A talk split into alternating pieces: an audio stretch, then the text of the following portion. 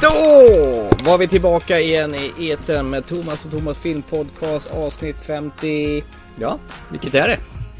50 plus. 50 plus, det kan man väl säga. Eh, Skål för den. Skål, skål på dig. Jaha, hur mås det? Ja då, det är...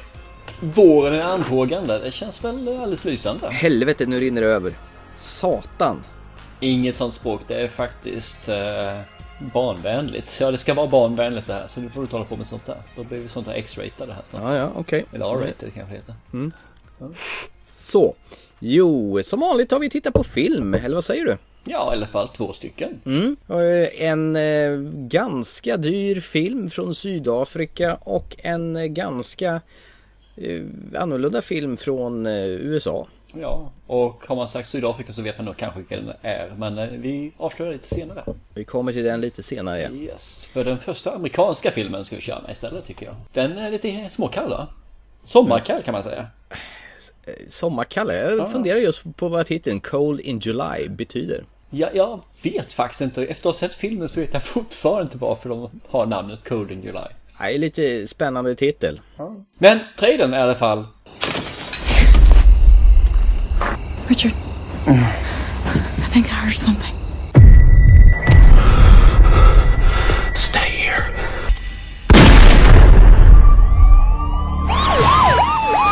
His name was uh, Freddie Russell.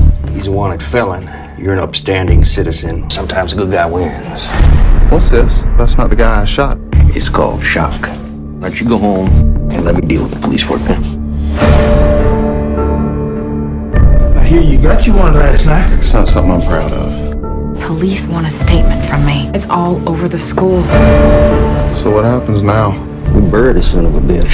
He got any family? My daddy in Huntsville prison. He just got parole. Mr. Russell, I'm sorry. You're uh, Dane, right? Your boy. He looks a whole lot like you, doesn't he? Så, där har vi Cold in July. Med skådespelare Michael C. Hall i huvudrollen. Var har vi sett honom förut?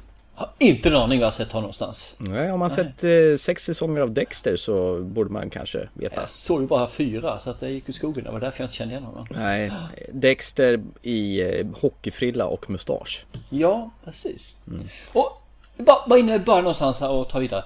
Vilket decennium utspelar sig den här filmen? För jag fick inte kläm på det. Är det 70-tal eller 80-tal? Nej, det måste vara 80-tal. Om du tänker på musiken som trycker igenom hela soundtracket. Det är ju väldigt syntigt musiksoundtrack. Ja, fast mycket av andra sakerna så är är så fruktansvärt 70-tal. Eh, telefoner, klockor, kaffebryggare. VOS-band. Ja, ja, det var Beta 2000 där. Jag hade Betamax 2000. Var det det det var? Ja, det var så toppladdat i alla fall. Så jag tänkte det måste vara Betamax ju. Nej, det såg ut som en vanliga Ja, VHS-kassetter. det tycker var jag. Hur som haver, dra plotten, varsågod. Plotten. Vi kan ju säga hur filmen börjar. Det börjar med att vår kära Dexter vaknar upp mitt i nassen. Du kommer ju eh, kalla honom Dexter genom hela det Vi här. får göra det tycker jag. Okej. Jag kommer knappt ihåg vad han heter för något. Richard Dane heter Dane han, jag. heter han tror jag. Ja. det. Mm. Han vaknar upp, eller hans fru vaknar upp att det är något som rasslar ner i, eh, i huset. Och han eh, tar fram en gammal revolver. Jag vet inte säkert en 45 En luger. Nej, inte en luger för en revolver, inte pistol. En Colt. Och smyger sig ut där snabbt som attan och möter en inbrottstjuv som han eh, riktar pistolen mot. Och eh, nervös civilperson som han är, så när klockan börjar slå så skjuter han tyvärr den här inbrottstjuven i huvudet utan att ha gjort någonting överhuvudtaget. I motstånd eller aggressivt. Och det är ju inte så lyckligt som sagt var för han lackerar ju väggar, tavlor, soffor med järnsubstans och blod. Ja, det tycker jag var roligt. Ja, det, det, det var en, en annorlunda början om man säger så. För då tänker man okej, vart tar den här filmen vägen nu någonstans? Då han ska liksom peka finger och säga så går det. Ja, det gör han ju inte för han får ju nästan ett nervsammanbrott alltså. Jätteolycklig. Och Lite olikt Dexter. Ja, lite grann. Och sen så kommer ju polisen dit och de tycker det här är ingen fara liksom. Det är ju självförsvar. Så att du kommer klara dig undan. Men han var obeväpnad tycker han ju. Ah, spelar ingen roll, du trodde han var beväpnad, det är samma sak. Sen ska det vara utagerat egentligen, tycker polisen då. Medan hela stan där tycker att han har gjort en tuff grej och är ju framme och påpekar hela tiden. Och han är ju inte riktigt stolt över det här. Så han eh, fräser väl åt dem och tycker att det var inte du som gjorde det typ. Och han beter sig väldigt, ja, lite konstigt sådär. Och sen så börjar väl det här ta lite annorlunda vändningar. Jag vet inte riktigt hur långt jag ska ta den här plotten egentligen. För han åker ju ut sen till begravningar och ska senare begrava den här som han är sonen om man säger så till en pappa som är där också på vad heter Ja. det? Parole heter det på Han är ut, engelska. utsläppt från fängelset Fri. precis. Ja, fasen heter på svenska? Inte parole, det heter villkors... Villkorlig dom eller Ja, ja. villkorlig frigivning. Och han gör väl ett visst eh, uttalande om Dexters son. Richard Danes son. Ja. Att han eh, kan tänka sig att byta en son för en son om man säger så. Och eh, mycket riktigt, han är, är väl också på hans skola och väntar utanför och hälsar på honom så elegant att jag är här. Och det är här man tror liksom att det här kommer ju bli en eh, lite Cape Fear-aktigt eller något liknande. Det blir en riktig psykopat som eh, ens familjefar och så kommer det nog bli en fade däremellan på något vis. Men det går ganska snabbt. Han blir ju omhändertagen av polisen faktiskt. Så ska skickas iväg för att dömas. Saken är den att han såg hans son på en sån här wanted poster.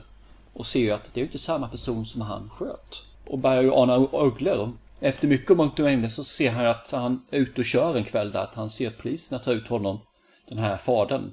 Och lägger han på ett spår när han har blivit drogad av något slag. Och tåget kommer. Och då räddar jag honom istället. Det kunde tagit slut enkelt. Det kunde varit jättekort film. Det kunde varit 20 minuter lång. Istället så blir den då mycket längre som sagt var.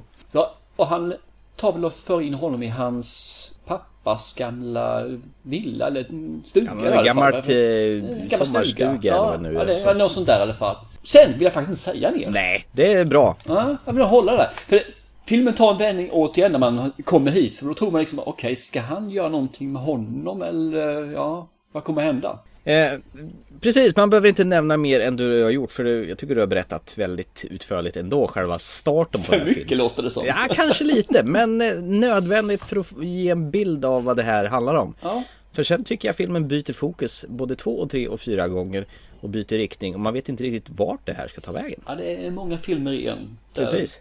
Och hux har vi med Don Johnson med i den här filmen också. Som Ja, spelar. Jim Bob. Som en slags privatdetektiv. Kommer Ja, med en stor, stor vräkig bil med ett stort tjurhorn i- framme i grillen. Mr Miami Vice. Ja, alltså Don Johnson, jag tycker han bara blir bättre och bättre med åldern. Ja, i, i den här filmen är han ju gudomligt bra faktiskt. Förr alltså i Miami Vice så här, han var väl cool på den tidsåldern men han har ju blivit cool med åldern. Han- det är ju inte så här att han är avdankad och sådär utan han, han gör ju liksom rätt för sig. Det är nu han spelar den här tuffingen, lite Clint Eastwood-aktigt. Ja, får ju inte glömma hans fina roll som Big Daddy i eh, Django Unchained. Ja då, absolut. Ja. Nej, men han har gjort en del saker som är riktigt bra på sista tiden. Så att, eh, Och nu kommer jag till den här stora frågan. Jag tvingar ju på dig den här filmen. Jag tyckte att det här är en film som kan vara intressant att se. Vad tyckte du då? Vad jag tyckte? Ja, det är spännande. Ja, det är det va? Mm. Alltså vanligt ska inte jag svara rakt på en sån, en sån fråga. Utan egentligen kan man ju säga så här. Att filmen börjar ju som en, vad ska man säga, en, en drama egentligen. En kille, en man, familjefar som säger, som skjuter en, en person och lider faktiskt samvetskval för det. Byter om till bli en thriller. En liten så här... Eh, Katt och råttaleks. Ja, lite sådär. Katt och råttalek är nog bra som sagt. Det var en jättebra liknelse. Som sen blir en, eh, mer en film som, utan att förstöra någonting om man ska säga så. Eh, Den by- byter skepnad igen i alla fall som sagt. För det blir väl mer eh, staten mot eh, småfolket. Lite mer åt det hållet. Och sen så helt plötsligt så är det en västern. Ja, precis. Ja, vi har rört ner en väldans massa olika genrer i en och samma gryta. Jag ska nog egentligen kunna ta det här igen. Det är mest en västern hela filmen. Även långt i början också för det, det, man bygger upp en film på det viset. Jag tycker det är kul när man gör en western i helt ny tappning. Så att det, det är en konstig film. Det är en film som jag aldrig fick grepp om någon gång när jag såg den. Det är en film som jag satt i alla fall var väldigt nyfiken på. Vad kommer att hända nu? När man träffar då, vad heter det, första, karaktären för första gången här ju, Richard Dane då. Så tyckte jag han bara var en... Äh, Ah, ja, jag, jag fick ingen som helst tillhörighet till honom, jag tyckte bara han var jobbig. Men han utvecklas ju efter filmen och han blir rätt god i slutet faktiskt. Och detsamma gäller ju den här eh, pappan då, fängelse, kåkföraren. Ja, just det, Russell. Ja visst, han är också en person som man tycker bara, jaha, det är bara en psykopat. Och så utvecklas han med framåt. Och jag älskar det. Och så har vi då eh, Mr Miami Vice där ju. Don Johnson, Jim Bob. Ja, han är den enda i stort sett som är platt i sin karaktär. Inte dålig utan bara platt. Han, han är sig själv i hela, genom hela filmen. Han är precis samma sak. Eh, sen så är det ytterligare en person som jag tycker eh, faktiskt riktigt illa om i filmen. Det är ju eh, Mr Danes fru. Hon är bara ett svin rent ut sagt. Att det, han har just dödat en person, mår jävligt illa och hon bryr sig inte skit. Och bara chicken över att han köpte en ny soffa hela tiden. Ja, just det. Att, eh, En sak jag funderar på i den här filmen. När själva när självförsvarsscenen har skett, när Richard Dane skjuter skallen av eh, inkräktaren så det sprutar järnsubstans som du så fint målade upp i, i plottbeskrivningen där. Då får eh, han och hans fru städa upp skiten själv. Är det, så, är det så det fungerar i verkligheten? Jag menar det är ju en brottsplats kan man ju tycka. Eh, Jag vet ju folk som har fått inbrott där de har skurit sig och lämnat blodspår efter sig och där har man fått städa upp själva. Är ju- Efter att man har är klar med brottsplatsen givetvis. För det är ett märkligt sånt här musikmontage när, man, när han och hans fru håller på att torka golvet och försöker tvätta rent väggarna och måla om till någon sån här funky musik i bakgrunden. Jo då, absolut. Så jag tänker, fan, går det till så här på verkligheten? Jag tror det, när de är väldigt klara så. På verkligheten, i verkligheten. Ja, ja. För att knyta upp säcken, vad tyckte jag då om den här filmen? Ja, precis. Otydligt, oklart. Väldigt otydligt och oklart va? Men en, en film som fångar en, en film som gör att man vill se mer. Även om jag tyckte att den var väldigt långsam där eh, periodvis i början av filmen. Att eh, jag kände bara att vart tar den här vägen? Går den någonstans? Kan man komma över den eh, pucken, som jag behövde i alla fall, så är det en klart sevärd film. Det är, det är, det är en mysig film, en feelgood film, en... Eh, ingenting som man behöver egentligen... Om man säger så här. Skulle du fråga mig om två månader om den här filmen så skulle jag inte komma ihåg så mycket av den alltså. Det ska jag erkänna. Men när jag såg den så var det en feelgood film. Och eh, det finns underbara karaktärer i den, vilket jag tycker om i en film också. Så att absolut, det, det är en, eh, en god film. Den måste ju utspela sig någonstans i början av 80-talet kan jag tänka mig i Texas någonstans. Musiken är ju väldigt särpräglad av sån här 80-tals syntig musik. Och det är nog väldigt medvetet för att sätta tonen i, i tidsperioden. Eh, jag känner igen det från, vet, kommer du ihåg den här filmen Drive? Han som åker runt och är, och är sån här bilförare och har en granne som råkar illa ut och måste beskydda henne. Uh, vad fan heter han för någonting? Ja, han eh, What eh, Devil Knows, eller vad heter den? Äh, han, så heter det inte alls. Uh, Gosling, Ryan, Ryan, Gosling. Gosling, Beyond the Pines. Han är ju med också. Yes. Det är ju typ, i den, den filmen har också sån väldigt eh, 80-tals syntig musik. Så här känns det lite här, de har satt samma typ av soundtrack till den filmen. Jim Mickle har regisserat den här filmen och det enda jag känner till som han har gjort det är ju Stakeland. Vi hade med den på en skräckfilmskväll en gång i tiden. Eh, Den här vampyrfilmen i någon sån här wasteland där allting har gått åt helvete. Det är, det är vampyrer som härjar. Ja, vilket egentligen inte var en vampyrfilm. Nej egentligen inte men... Men det var en helt underbar film var det. Ja, han har regisserat den.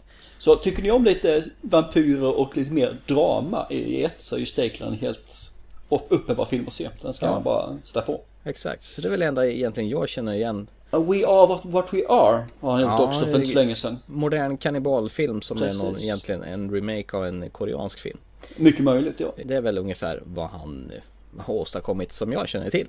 Ja, fast han är väl inte så gammal heller va? Nej, förmodligen inte. Ja.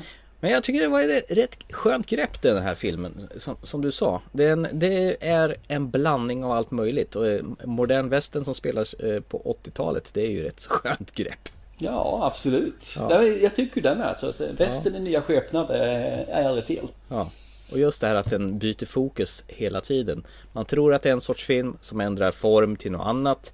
Och i det här läget när okej, det är det här spåret filmen ska ha. Ändrar en form ytterligare ett par varv. Helt omöjligt att förutse hur vart den här ska ta vägen. Jag håller med fullständigt. Ja. Men det måste som sagt vara, ja, riktigt när den utspelar sig, där, där är jag lite osäker. Nej. Men eh, ja. Det jag har lite svårt med, det, det är faktiskt Michael C. Hall själv faktiskt. Jag ser för mycket Dexter i honom när jag ser den här filmen. Det är ju inte hans fel att han har spelat, eh, jo det är väl visst att han har tackat ja till sex säsonger av Dexter men hans hela hans sätt att vara och röra sig och låta det är, det är liksom Michael C. Hall eller Dexter för all del. Det känns, jag bara tänker honom när jag ser honom. Fast i en ful hockeyfrilla och mustasch förstås. Ja, för den här hockeyfrillan sätter det lite senare på 80-talet känner Ja. jag ju. Men eh, det är ju mot 90-talet tyvärr. Ja, MacGyver-frisyr nästan hade han det. MacGyver, ja just det, stämmer, Ja, stämmer. han som eh, lagar kylare med äggvita och gör handgranater och kottar. Ja, men det, det gör vi allihopa. Nej men eh, jag kan rekommendera den här för folk som vill ha någonting udda som inte riktigt eh, har bara action i sinnet. För det finns ju mycket action och det är en del skvättande och så här också men det är ju faktiskt inte merparten i det hela. Nej, jag- vet inte. Den, den växer lite grann. Det är just med att den växer det är att karaktärerna eh, förvandlas och ändrar sig när man får lite mer insikt i vem de är. Så att eh, det är nice. Även om jag inte fick allt för mycket, vilket jag tycker är rätt gott också. Jag behöver inte ha hela biografin från barndom och framåt. Yes! Are we satisfied? Ja, eh, jag skulle bara in en sak här. Tre saker som är kass med den. En sak som är kass det är Michael C. Halls hockeyfrilla och mustasch. Ja, jag, absolut. Jag, jag störde mig skiten nu hans fula mustasch. Två, eh, hans störiga fru som eh, verkar ha noll empati med eh, Michael E. Hall. Michael C. Hall att han skjuter en inbrottstjuv. I för sig så var det väl hennes, eh, hennes taskiga lott att ha en sån dåligt skriven roll kanske. Eller jag vet inte. Jag, vet, inte, jag, jag tror nog att hon gjorde rollen ganska bra men jag, jag kunde inte, jag tyckte bara hon var irriterande som, eh, alltså figuren, karaktären var irriterande. Men shoot, ta med den också, det är helt OK. Och så jag ha något dundrande som tredje. Sen tyckte jag väl att pappan var lite tråkig. I, alltså tråkigt, tråkig till att börja med. Fast det är som du säger, han växer mot, mot eh, senare in i filmen. Jag tycker han var rätt så intetsägande som, som skurk i början. Va, ja, ja okej, ja, mm, ja, ja. Tveeggad där faktiskt. Ja, ja, för jag tycker nog att det var nog det som var bra. För att då kunde han förändras på ett annat sätt också. Det kanske var det som var meningen. Ja, för annars blir det ju inga nyanser vet du. Nej, nej, inga Då nyanser av blir det ju brunt. bara sju nyanser brunt ja. Ja, just det. Han kanske är sånt där, ett blankt papper som ska fyllas i efterhand. Jag tror nästan det. Så det är nästan så jag inte vill godkänna den. Ja, okej. Har du en fjärde? Ehm, nej. Då struntar vi det tycker jag. Ja. Okej, så tre anledningar till att se den är en mustasch och en hockeyfrilla. Ja. En eh, riktigt trälig fru. Mm. Och en intetsägande, eh, ja, vad ska man säga, villen. Ja, fast jag är, fattar ju inte det tydligen så att jag har Nej. ändrat mig där. Ja, men då vi, vi tar två stycken då. Hockeyfrilla, fru, mustasch. Ja, det var rätt så vaga skäl till att inte Ja, se det var det faktiskt. Jag känner att det var inget sådär som jag klatschade till som att Jaha, det där, nu ska jag inte se den filmen. Nej, precis. Finns det en hockeyfrilla med? Nej, usch fy, det kan inte jag se den där. Varför finns det en fru med också? Jösses. Ja. Alltså jag kan ge dig... Hade tusen- frun haft mustasch, då hade jag inte velat se den. Ja, då kanske det blir ännu mer intressant Ja, istället. det är klart. Jag kan ge dig tusen mer skäl till nästa film vi ska prata om. Eh, Vi ska prata om Crappy, eller förlåt, Chappie. Vänta lite grann här nu. Ja. Det är nog lika bra vi förvarnar folk här. Ja. Att från och med nu, ni som har tänkt se Chappie, vilket vi ska prata om sen nu. Ni ska nog tänka er för lite grann, för vi kommer att spoila den här filmen med från början till slut. Vi kommer spoila skiten ur den här filmen. Japp. Så att eh, tack för att ni lyssnade och eh, hoppas ni kommer tillbaka nästa avsnitt. Och ni som har sett den här, fortsätt gärna lyssna. Eller inte tänker se den. Precis. Och se om ni håller med oss eller inte. Och ni Eller... är välkomna att fortsätta höra den här fröjden av den här filmen som vi ska lyssna på nu. I brought you into this world. A machine that can think and feel.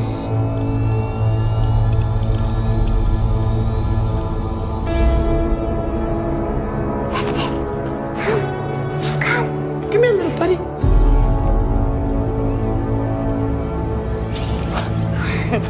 That's a watch. That's a watch. Watch?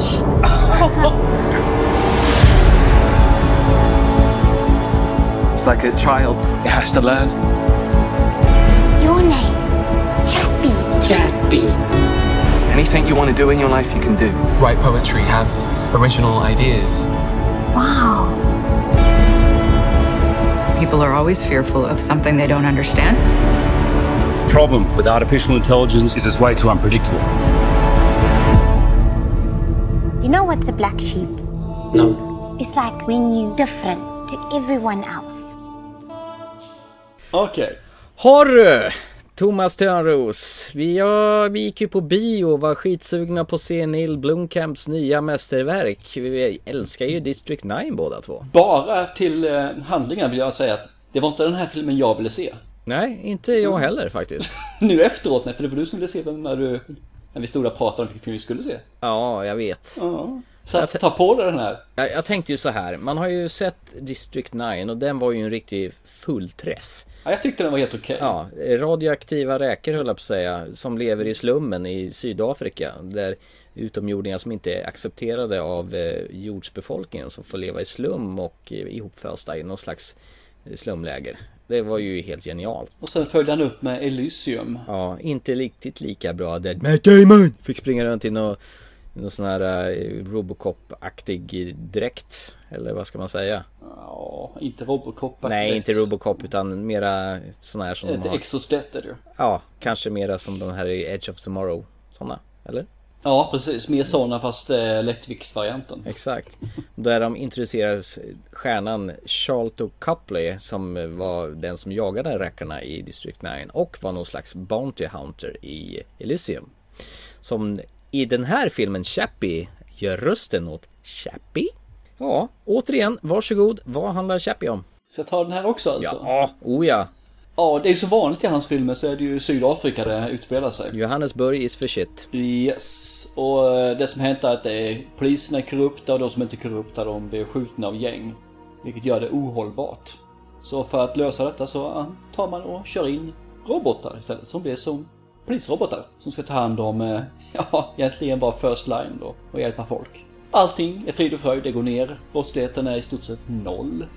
Och företag som gör det här heter Tetraval eller något sånt där va? Mm, jättekonstigt. Ja, något sånt där. För jag tänkte på Tetra Pak igen. Men... ja, precis. Men de ser ju ut som Tetra Pak kanske, robotar. Ja, nära på. Ja. Och där finns det ju en person som älskar det här med att göra robotar och göra artificiell intelligens. Håller på att försöka göra den första riktiga AIn. Deon Wilson. Yes, som vi känner igen från Ja, inte en aning. Han ser ut som en indier från någon Bollywood-produktion. Ja, nära. Han har faktiskt varit med i Airband. Ja, jag har inte ja. sett den. Ja, okej. Okay. Behöver inte se den nu heller, så bra är den inte. Okay. Men uh, han är med där i alla fall. Han är en av uh, huvudrollskaraktärerna. Jag tror han är en av the bad guys faktiskt. Där. Jaha, är han bad guys? Den här är en good guy. Ja, den här är det slutar väl med att han lyckas väl... När han är på väg från jobbet så är det väl några ett gäng som ska kidnappa honom för att hitta avstängningsknappen till den här roboten så att de kan göra the big heist. Och råna en eh, transportbil på 500 miljoner dollar eller vad det var för någonting.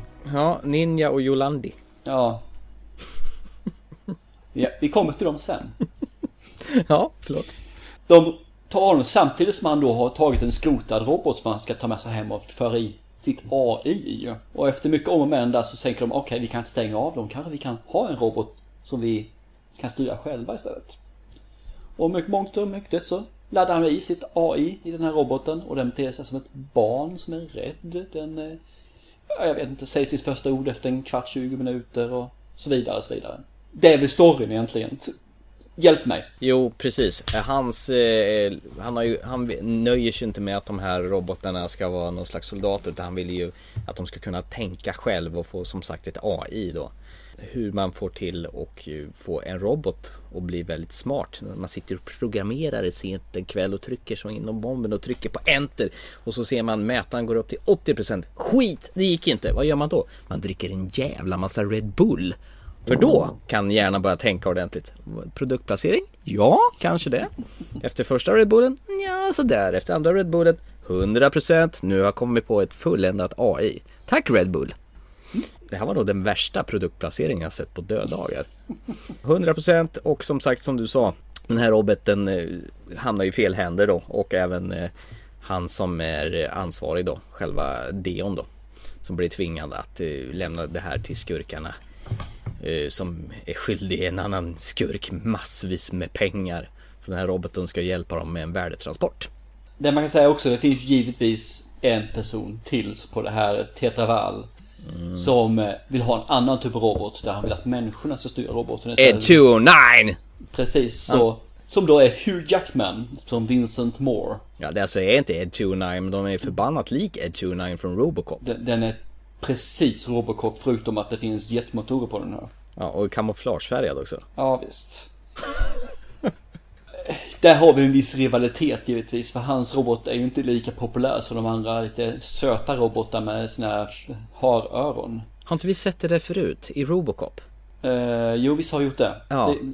Problemet med den här filmen, okej vi kan gå in på det med en gång då. Problemet med den här filmen är att han har ju plagierat andra filmer som har, har varit populära. Robocop är ju en. Eh, E.T. finns faktiskt med här också. Gör det? Ja visst, hur den här roboten lär sig och han snäll han är. Det är ju E.T. phone home och han säger ja, watch! Watch! Ja, Jackie want to! Ja. Eller Chappie menar jag. Chappie went to. Han pratade om sig själv i tredje hans person också. Var, varför måste han göra det genom hela filmen för? Ja. För att fortsätta så har vi den andra Number Five som är en liten söt robot från 80-90-talet någonstans. Där jag tror det finns tre filmer eller vad det är för någonting. Short Circuit ja. Ja, det kanske den heter också. Nummer fem lever på svenska. Ja, precis. Jag kan bara svenska. Ja. Och sen så tar man, ja, finns kanske säkert fler också som han, och sen rör man ihop det här till en salig röra och sen ut med det som en smet. Problemet är att det blir ju ingen film, det blir bara rörigt. Och framförallt så känner man igen varenda jäkla film. Inte som att han har stulit den och som en att hylla filmen, utan han har stulit den för att stjäla det.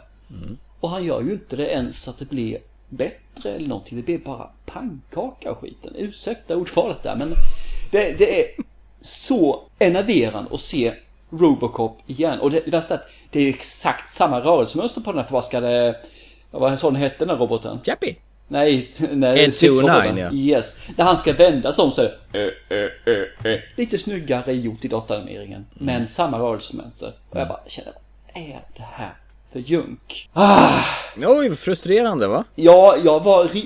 Jag satt och gapflabbade för jag hade inte gjort det så jag fick gråta på biografen. Mm. det är skämskudde på tycker jag på det här liksom. Och de här eh, som... Och tröttsamt börjar bli med de här slumaktiga miljöerna. Det var uppskattat i District 9 och i Elysium är det likadant. Det här slumgrejset. Och har återigen tagit det här graffiti-skiten och, och när de här gangsterna ska lära Chappie och eh, bli badass då. Låta så här yo, oh, och sen ha en pistol. Och när den här ninja ska lära honom att skjuta med snedsikte pistol mot flaskor och grejer. Ja, och revolvern eller pistolen ovanför huvudet och Ja. skjuta. Han hade fasen träffat en laggosvägg inifrån. Ja, exakt. Och sen måste man ha lite mobbing-scen också där de dumpar ut honom mitt ingenstans där massa folk får klappa på honom. Ja. Jag fattar, fattar inte den riktigt. Nej, och sen förstod jag inte riktigt heller om han nu läser hela tiden. Hans pappa, Fnutt Fnutt, jag ni ser inte mig, jag Fnutt The Fnutt maker, the creator, eller vad kallar han för? Han, Ja. Dion. Ninja där menar du? Nej, alltså han som har skapat honom. Ja, nej men alltså ninja när hon lägger ut honom när han är mobbad då som du säger. Ja, just det. Mm. Då släpper de ut honom och läsa att vara tuff, hur världen är tuff. Varför går roboten tillbaka hem? Han har ju liksom varit här då i en, eh, knappt en dag. Ja, men det finns ju ingen mening, han kan ju söka sig någon annanstans. Han måste ju lära sig att du, den där ninja, han är inte vidare snäll. Nej. Nej då, okej, Joe Landi kanske var någorlunda snäll då. jättetöntiga rösten och låter som en smurf när hon pratar. Nej, det finns liksom inget. Och sen så är det det här med att han är då superintelligent. Han läser hur snabbt som helst. Och han, det roliga är att han läser ord som ingen har sagt till honom. Nej. Han läser saker som ingen har visat honom. Vilket är helt vansinnigt. Det är klart han kan läsa snabbt. Men han kunde åtminstone visa att när han sitter framför en dator och går ut på internet och läser sakerna. Nej då, han bara lär sig från tomma intet hur saker och ting fungerar och hur, hur man ska använda vokabulären, hur man programmerar. Ja, för det kan ju alla robotar utan till med en gång. Vad gjorde Sigourney Weaver i den här filmen? Hon var ju någon chef. för Casha det. in, ja, hon. Hon cashade in. Hon satt Ja. bakom ett skrivbord och bestämde över sin personal och var lite förbannad på... Hugh Jackman är ju med i den här filmen. Det är han som är the badass guy som är konkurrenten, Vincent Moore. Som Ja. gillade Ed 29 mot de här små pluttiga robberna medan en stor vräkig robot. Jag sa ju faktiskt det innan. Ja, förlåt. Ja, Ja. tänk på det. Ja. Lyssna. Ja. Så Michelle Pfeiffer, hon, är, hon används väldigt futtigt i den här filmen. Eh, Michelle Pfeiffer. Sigourney Weaver, hennes Ja. rollfigur heter Michelle. Jag, jag vet faktiskt vad var för ord i den här filmen. Det var inte enbart pengar faktiskt. Det var- Utan det kommer ju Avatar 2 snart. Ja. Och när hon gjort den här, Ja. Chappie, så kommer Avatar 2 alltid vara bättre än den här. Så hon kommer göra en trappning uppåt. Ah, du tänkte så. Måste vara det alltså. Sen kanske var ett strategiskt samarbete för att hon visste att Neil Blomkamp skulle regissera Alien 5. Så fick hon chans att spela Ripley en gång till. Kommer hon få göra det? Det kommer hon få göra också, det stämmer. så det och kan det är också vara- kanske samma där. Jo, det kan vara lite så Det blev någonting frö som såddes där. Du får vara med där om du är med här gratis. Precis, du kliar på min rygg så kliar jag på din rygg. Men Och- Hugh Jackman, återigen, han hade också en löjlig hockeyfrilla. Ja, och kortbyxor. Ja, kortbyxor och hockeyfrilla. Det, det enda scenen som jag tyckte var lite frän, det var ju när han hotade eh, Dion när han tyckte att han skulle minsann låna hans kod för att ja, implementera i hans robot. Ja, det var också någonting jag blev så imponerad. Det fanns, jag kan säga, robotarna, enda gången man kan programmera dem, det är man tar ett där litet USB-chip. Och stoppa in i arslet på dem. Som alla har idag till sina eh, små möss, datamöss. Ja, just det. Trådlösa ja. Exakt samma är den här, de har målat den lite rött runt kanten, var den enda skillnaden. En USB-dongel. Ja visst alltså. Och en sån är det enda som gör att man kan hacka de här förbaskade robotarna, uppgradera mjukvaran och sådana saker. Mm. Och det finns ett litet plåtskåp i plastkudde. ja, och den vill Okej, jag här har vi alltså världens säkerhet. Vi har alltså polisrobotar som går ut och ska skydda hela Johannesburg från sig själva och allt. Och det enda man har är ett litet plåtskåp som skyddar det. Och han går dit och har, jag tror inte ens han behöver en nyckel för att öppna upp skitskåpet alltså. Nej. Och han går dit där, plockar in den någonstans och helt plötsligt har han programmerat in en robot. Hur Jackman senare plockar in en, och lägger in en dator i en terminal på jobbet och kan därifrån programmera om alla robotar i hela stan på ungefär 15 minuter. Han är ju duktig på att pro- programmera Hugh. Ja, det, det är ju... Mm. Suck. Och de har alltid sådana roliga namn. Det ska alltid vara... När någonting ska omvälvas så ska det alltid vara namnet Genesis. Ja, såklart. Genesis, det är the shit. Ja, men det återkommer ju snart i Terminator Genesis. Ja, Genesis finns överallt. Det finns ju i Star... Vad heter det? Star Trek. Star Trek, tack. Där finns ju Genesis med också. Så eh, Poppis det där. Men Ja. just, just den här scenen där han hotar Dion med en revolver mot huvudet säger jag. Först ber han lite snällt och han säger du det är ingen förfrågan, nu ger du mig det här annars skjuter jag huvudet av dig. Och det får han göra på sitt företag, hota en medarbetare utan att få sparken. Det är rätt bra gjort. Ja, men jag tycker väl en allmän bra dialog. Så jag Fast han skojade ju bara, det var ju bara ett skämt. Ja, visst. Men bara man säger det efteråt så är det helt lugnt tycker jag. Ja. Alltså, vem är filmen gjord för? Den är ju så, den är barnslig på ett urdumt vis. Och den är, på, på slutet så blev man lite halvvåldsam filmen. Och en rätt så brutal actionsekvens i För hade början. den hållit sig på nivån som du säger i början så hade den ju passat mina barn. Ja. För det, den är lite såhär småkul, han går där som en liten gangster-style och han Mm. ska måla med blått, så vad det var för någonting han gjorde för något. Nej, men, Absolut, det finns ju roligt i det där. Det finns nivåer som skulle förklara för dem att det här är inte riktigt rätt, men han blir god i slutet i alla fall. Och så har vi de här, just det, jag hoppar lite grann nu här. Men jag hoppar in till de här gangsterna. Mm. Det är ju Ninja och Yolandi och sen finns det väl eh, Yankee America. Ja, just det. Exakt. Han är tatuerade... Det är de tre e- elakingarna. Nu är jag fnutt fnutt för de är egentligen inte så elaka, de är egentligen rätt snälla. Ja, I slutet, fast de då är elaka så är de snälla i grund och botten. Ja, de, vill ju, de vill ju bara bli fria. Och det Ja. gör de genom att skjuta ihjäl folk och råna en värdetransport. Men det är inte så illa egentligen. Nej. För de heter ju Ninja Yolandi och ser ut som små dockor. Ja, precis. Och Ninja och Yolandi, de har ju ett, eh, ett rapband tillsammans i eh, Sydafrika. Faktiskt. Stora som att, att De är skitstora i, i eh, Sydafrika. Och de har även gjort soundtracket. Så om man lyssnar i eftertexterna kommer någon löjlig raplåt i slutet som de två har gjort. Da- Die Antwoord heter deras band. Och det roliga är att de spelar då sig själva. För de Ja. heter ju Ninja och Yolandi Visser. Och det är fräna, de går ju runt med t-shirts med deras tryck på för deras band i filmen.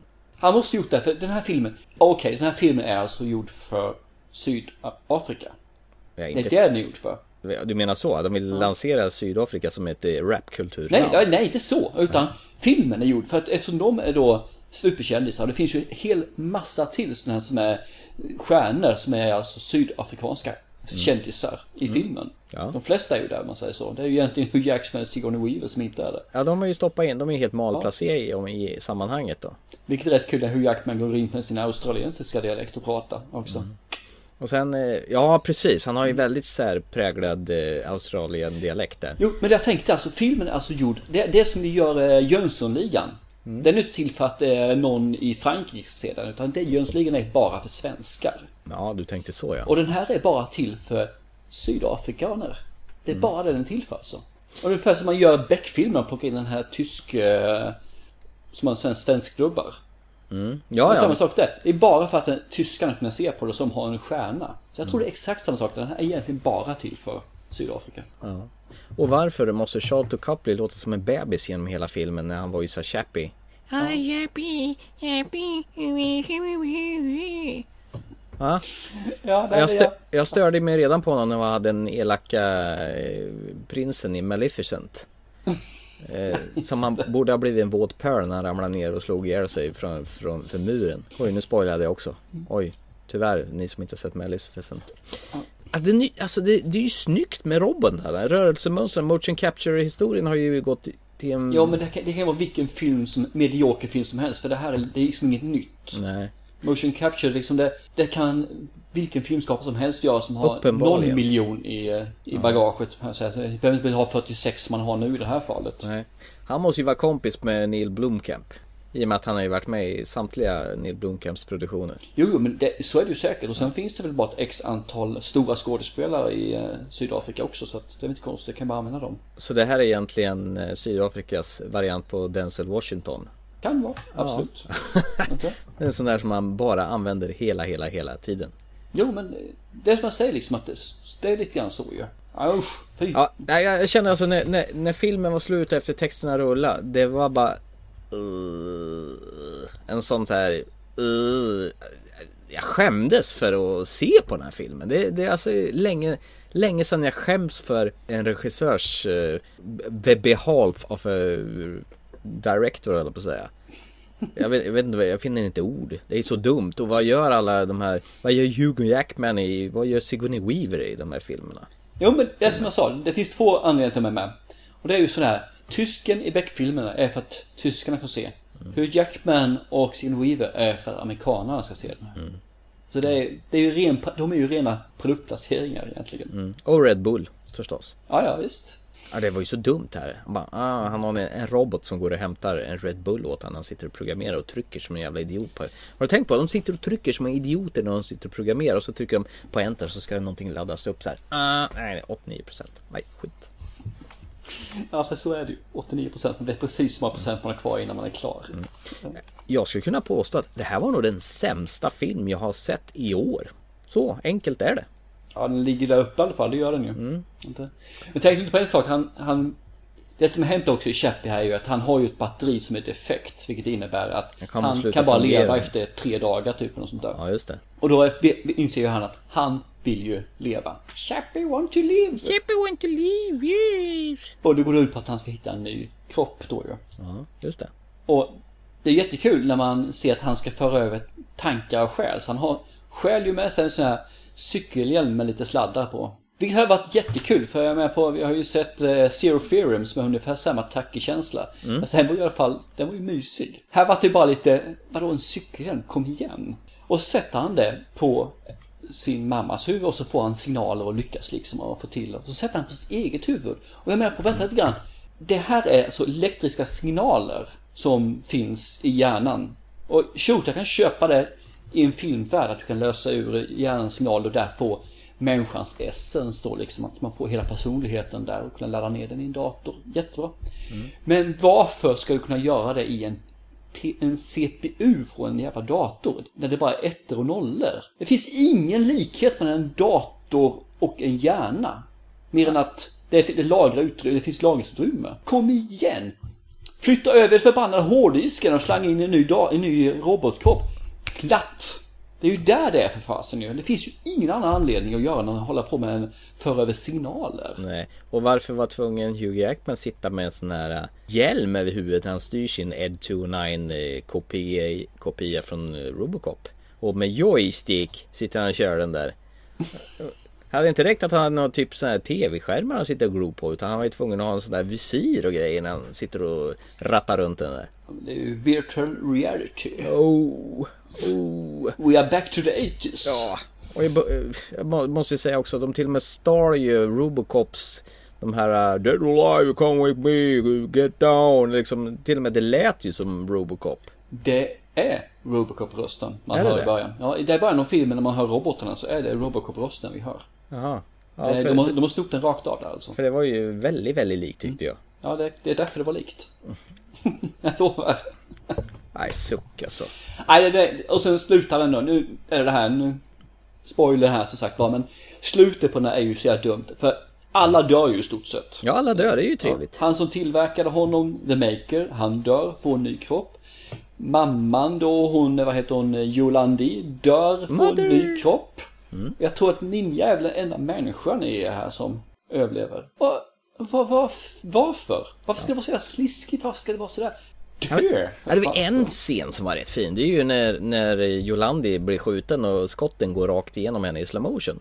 Och stänker lite blod. Det var väl det enda som var snyggt. Jo, men det finns ju några stycken saker som är, är snygga och som är lite småroliga. Men det gör liksom ingen film. Ja, jag tyckte det var skitkul att hon blev skjuten för hon var så jäkla irriterande. Bara, ja, där dog hon!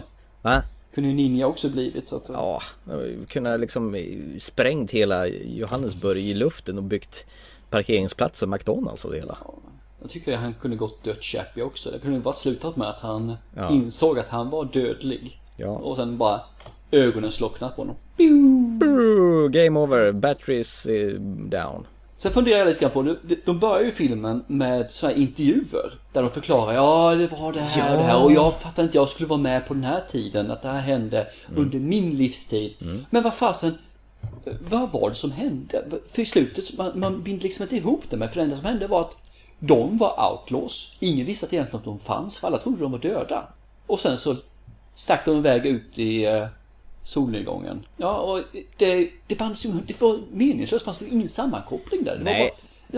Vi måste börja filmen på något sätt. Ja, jag tror jag bara, Känns som- ja vi har börjat District 9 så här med lite sån här eh, Fungerar det då? Ja, dokumenterad, så här dokumentärkänsla, lite skakigt sådär Nu i nyhetsinslag, vi kör likadant här Och sen eh, fortsatte han inte på det spåret överhuvudtaget och bara släppte det Hade han fortsatt med det så hade det ju varit direkt Robocop eller vad heter? Starship Troopers. Ja, och do you wanna know more? Men det är ju det, återigen.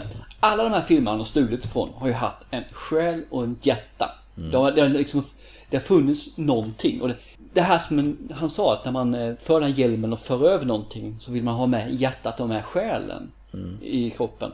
Och tyvärr så misslyckas ju Mr Neil Blomkamp totalt att få någon själ eller hjärta från det han stjäl. Han får bara kroppen. Han, han förstår liksom inte vad han tar. Han bara... Bö, det här var ju trevligt när de gjorde det här 83. Det här var ju kul när de gjorde det 94. Ja, och sen då? Var, varför gjorde de det? Nej, skit i det. Vi tar det bara. Det är så hemskt med, i och med att han startade så bra med District 9 och sen har det bara gått enbart utför med de här eh, uppföljarfilmerna Jag, jag är rädd för att han, han hade en historia att berätta. För tittar man på det så är det samma film i stort sett. Eller samma miljö, samma film, samma stuk. Till och med om man tittar på det här Tetraval. Namnet finns med i District 9 som en, eh, på, på en vägg där. Så, så att han återanvänder väldigt mycket för sina filmer. Det är som, eh, vad heter han, eh, Dan Brown. Han gjorde ju egentligen en bok. Och tyvärr var det ju bok 3 som kom ut först. Så att, nej jag vet inte. Alltså, det finns en sak som jag tycker är lite småcoolt faktiskt med, med det här. Man, när jag läst på lite grann. Jag tycker om trivia. På deras axlar så finns det en eh, sifferkombination som är 1, 0, 1, 12 på alla de här roboters axlar, längst axlarna. Och det är alltså vårat 112. Så att eh, de har i alla fall gjort en sån sak. Tycker det är lite småkul. De har alltså nödnumret på sin vänstra axel, alla robotar. Lite småkul. Ja, jag, jag blir ju hur som haver orolig i och med att han ska göra Alien 5 eller vad han nu kommer att heta som kommer 2017. Innan dess så kommer vi få se uppföljaren till Prometheus 2016 nästa år i alla fall. Så det kommer ju vara Alien-filmer gånger två.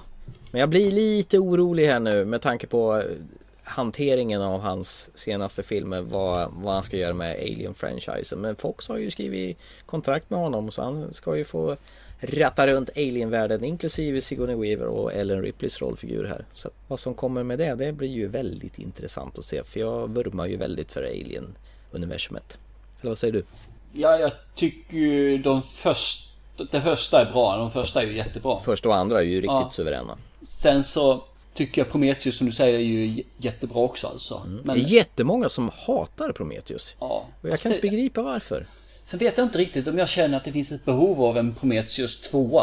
Nej. Det var väl att de lämnade väl Noomi Rapaces rollfigur lite i det oviss så att de tyckte väl att ja, det kan väl ha mer att berätta och den gick väl hyfsat bra Prometheus också i box office så att eh, klart vi ska skicka på lite mera pengar att tjäna. Nej, jag tycker lite synd. Men de tre filmerna, absolut. Resterande sen gav mig ingenting. Alien 4 är en av de få filmer jag somnat till. Så Mm, just det, Resurrection. Vi kan väl komma till Alien-filmerna i ett eh, kommande program eh, och djuploda lite grann vad eh, Absolut, det det, universumet handlar om inklusive alla snedstick som Alien vs Predator och förhandshistorier och efterhandshistorier och däremellan. Men det här, nu så. Nu, nu vänder vi på det här. Mm. Det här är den sämsta filmen du sett i år. Ja. Ja, du vet vad jag kommer fråga, eller hur? Nej. Tre saker som gör att du ska rekommendera den här filmen för någon att se den. Och det får inte vara dumheter att det är jättebra sömnpiller och sådana här saker. Utan det ska vara filmen som någonting som är bra som gör den värd att se. Okej. jag Du kan, du, kan, du kan rikta det mot personer, en viss åldersgrupp eller en viss typ av människor. Helt okej. Men det ska vara en anledning för dem att se den. Okej. Alla personer som jag hatar kan ju se den. Nej, men det är inte sån Nej, okej. allvar nu här. Inget skoj. Inget Man sa skoj. det här, det här är allvar. Film är alltid allvar. Det, det, det, det finns ingenting som jag kan rekommendera med den här filmen för den är så genomrutten rakt igenom. Det är en stöld av allting och den är inte kul, den är töntig, den är... Think deep nu! Nej, jag kan inte. Du, du, du får säga. Jag, jag har ingenting gott att säga om den här filmen, tyvärr. Eh, Se vad lätt det blev. När jag vände på Jo, jag, jag tycker det. Om du går in och ser den här filmen som en komedi, Mm. ren komedi, så tycker jag är- det är jäkligt gott, gosigt med de här vapnen som de har målade i leksaksfärger. Ja, det är sant. De har ju guldpläterat och leksaksfärg. silver. Det är rosa och det är grönt och... Bara en sån sak och du får in det här och du ser det verkligen som att det här är bara att de gör parodi på sig själva. Mm. Så finns det många sådana här saker i filmen som faktiskt kommer tillbaka och som är småkul. Mhm. Så den skulle jag kunna sätta som nummer ett faktiskt. Där, gå och se filmen som eh, en parodi på sig själv och allt däremellan. Ja, och du får se Ninja och eh, Jolandi ha olika färgade strumpor och skor på sig. Andra saken som, man ska kunna se den här filmen för. Ja, Du, du. Fakta är att vi kan nästan ta det där för det, det finns ja, Jag tänkte säga motion picture faktiskt som är där för det, det, det är ganska snyggt gjort. Men det har jag redan trashat till att man kan göra det enkelt vilken film som helst. Så jag kan kanske inte säga. Nej men det ska ju i så fall vara att se Hugh Jackman som en, eh, en töntig psykopat. Vilket kan vara rätt så trevligt faktiskt. Som misslyckas totalt. Ja, men det är ju, han, han är ju liksom, han, det som saknas är den här hatten med såna här kåkar som är runt brättet som hänger ner. Det är det enda som saknas. Och han rör sig töntigt. Så att bara Hugh Jackman i en sån roll tycker jag är fine. Det är inte ofta man eh, får se han spela tönt. Varför jobbar han där överhuvudtaget när ingen överhuvudtaget vill ha hans robot där överhuvudtaget? Nej, precis. Det kan man ju fundera på. Varför ska jag se filmen en gång till? Ja, den här blir krystad. Jag vet den. Ett självdestruktivt beteende kanske. Nej, det är nog för att se den här filmen och se sen District 9 och upptäcka att det är bara en blek kopia, att han gör samma film igen fast inte lika inte lika med, den själ och hjärta som jag gjorde med första filmen.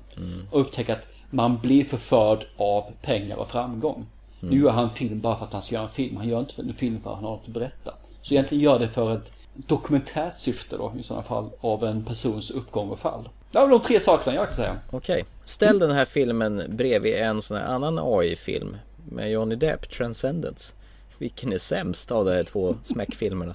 Jag tycker inte Transcendence var så kass som du tyckte att den var faktiskt. Nej, Nej, det tyckte jag inte. är det jag som tycker den är så dålig då? Ja, du tycker den är skitdålig. Jag tycker bara att den, den du tycker den är Den var genuint skit. otroligt. Ja, precis. Den var ju bara den, den var, skittråkig. Den här var ju åtminstone inte riktigt lika tråkig. den var kass sådär. Det var den ju. Men jag ser hellre om eh, den filmen då än Chappie. Okej. Inte? Transcendence hade, jag vet inte, det helt okej eller tidsfördriv så jag tänker man se på den. Inte får jag hade några fler filmer att välja på men om jag bara hade den här och eh, den att välja på så skulle jag helt klart kunna se Transcendence, Transcendence Och du är tvungen att se den varje dag i 365 dagar.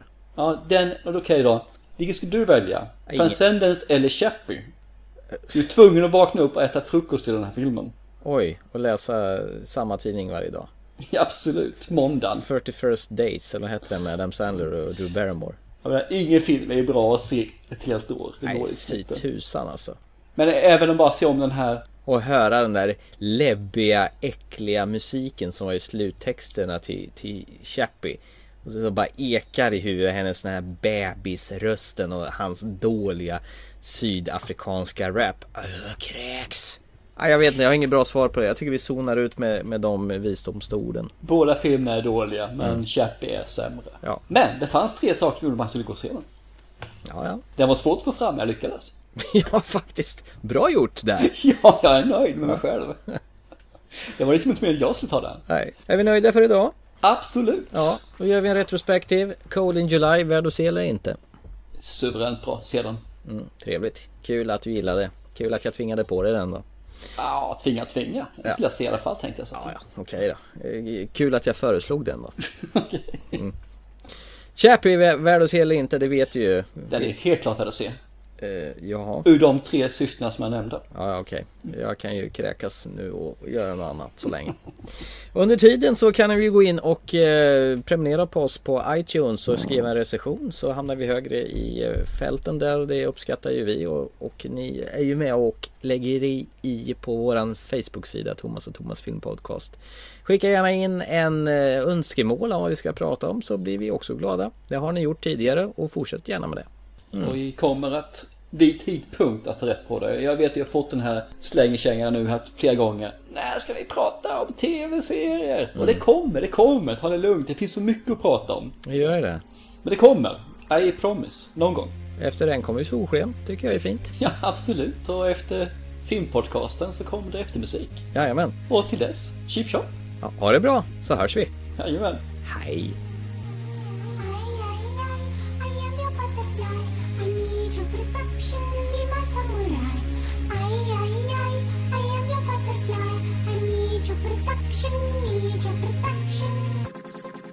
I'm a ninja. Yo, my life is like a video game. My main thing when I'm in the zone. One player, one life in the mark. Limit the dog. Go ninja, go. No f down. I'm cutting down anyone I'm apart. Trying to pick up my game with razor sharp political throw stars. Get my flows on. Horse style, wild, out of control. Ninja scope. Rough Rough rounds och tough downs med gås. Skral. Till I hit triple seven at the 8 p.m. Straight famine on feast when you're living on the razor edge. Stay sharp, sharp, rolling with the S-O-S. High energy, you never seen Zeph so fresh. Uh, when we mark, check hard, that flows flex. Yo, we off the must up, not in the press. We not like the rest, my style is UFO. Totally unknown, you can't f with my new Zeph flow. I'm hard to miss, you going to this, you going to that. You said so, I do it a lot. Too hot to handle, too cold to hold. You can't f with the chosen one. I, I, I, I want to knock your arm a ninja.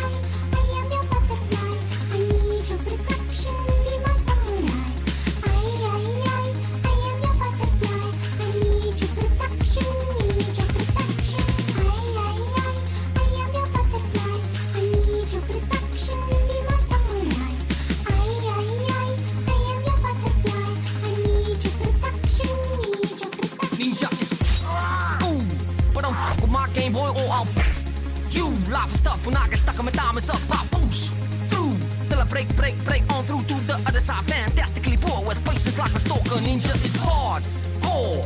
Being cut so deep, feel no pain is not sore. Don't ask for or you get what you asked I'm like a wild animal in the corner, waiting for the break of dawn, trying to get through the night. Just a man with the will to survive. My blaze swing free, decapitate a hater with amazing ease. This is not a game, boy. Don't play with me. I work more, mark saber like a wild savage from the dark side. Danger, yin through the yang. Totally hot deck ninjas, big in Japan. I seen the future, but I never got nothing in my hand. Except a microphone, big dreams, and a plan. Fly talking, ninja.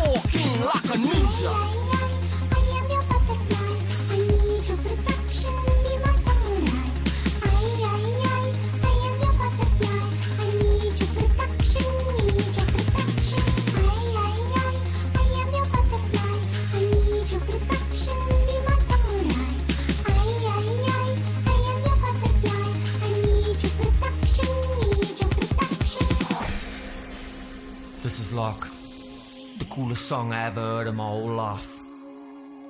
All of you said I wouldn't make it. They said I was a loser. They said I was a no one. They said I was a psycho. But look at me now, all up in the interweb. Worldwide, 2009, Futurista. Enter the ninja. Yo, Landy Fusser. DJ Hot Deck you. Onward. It's mine. I'm a ninja.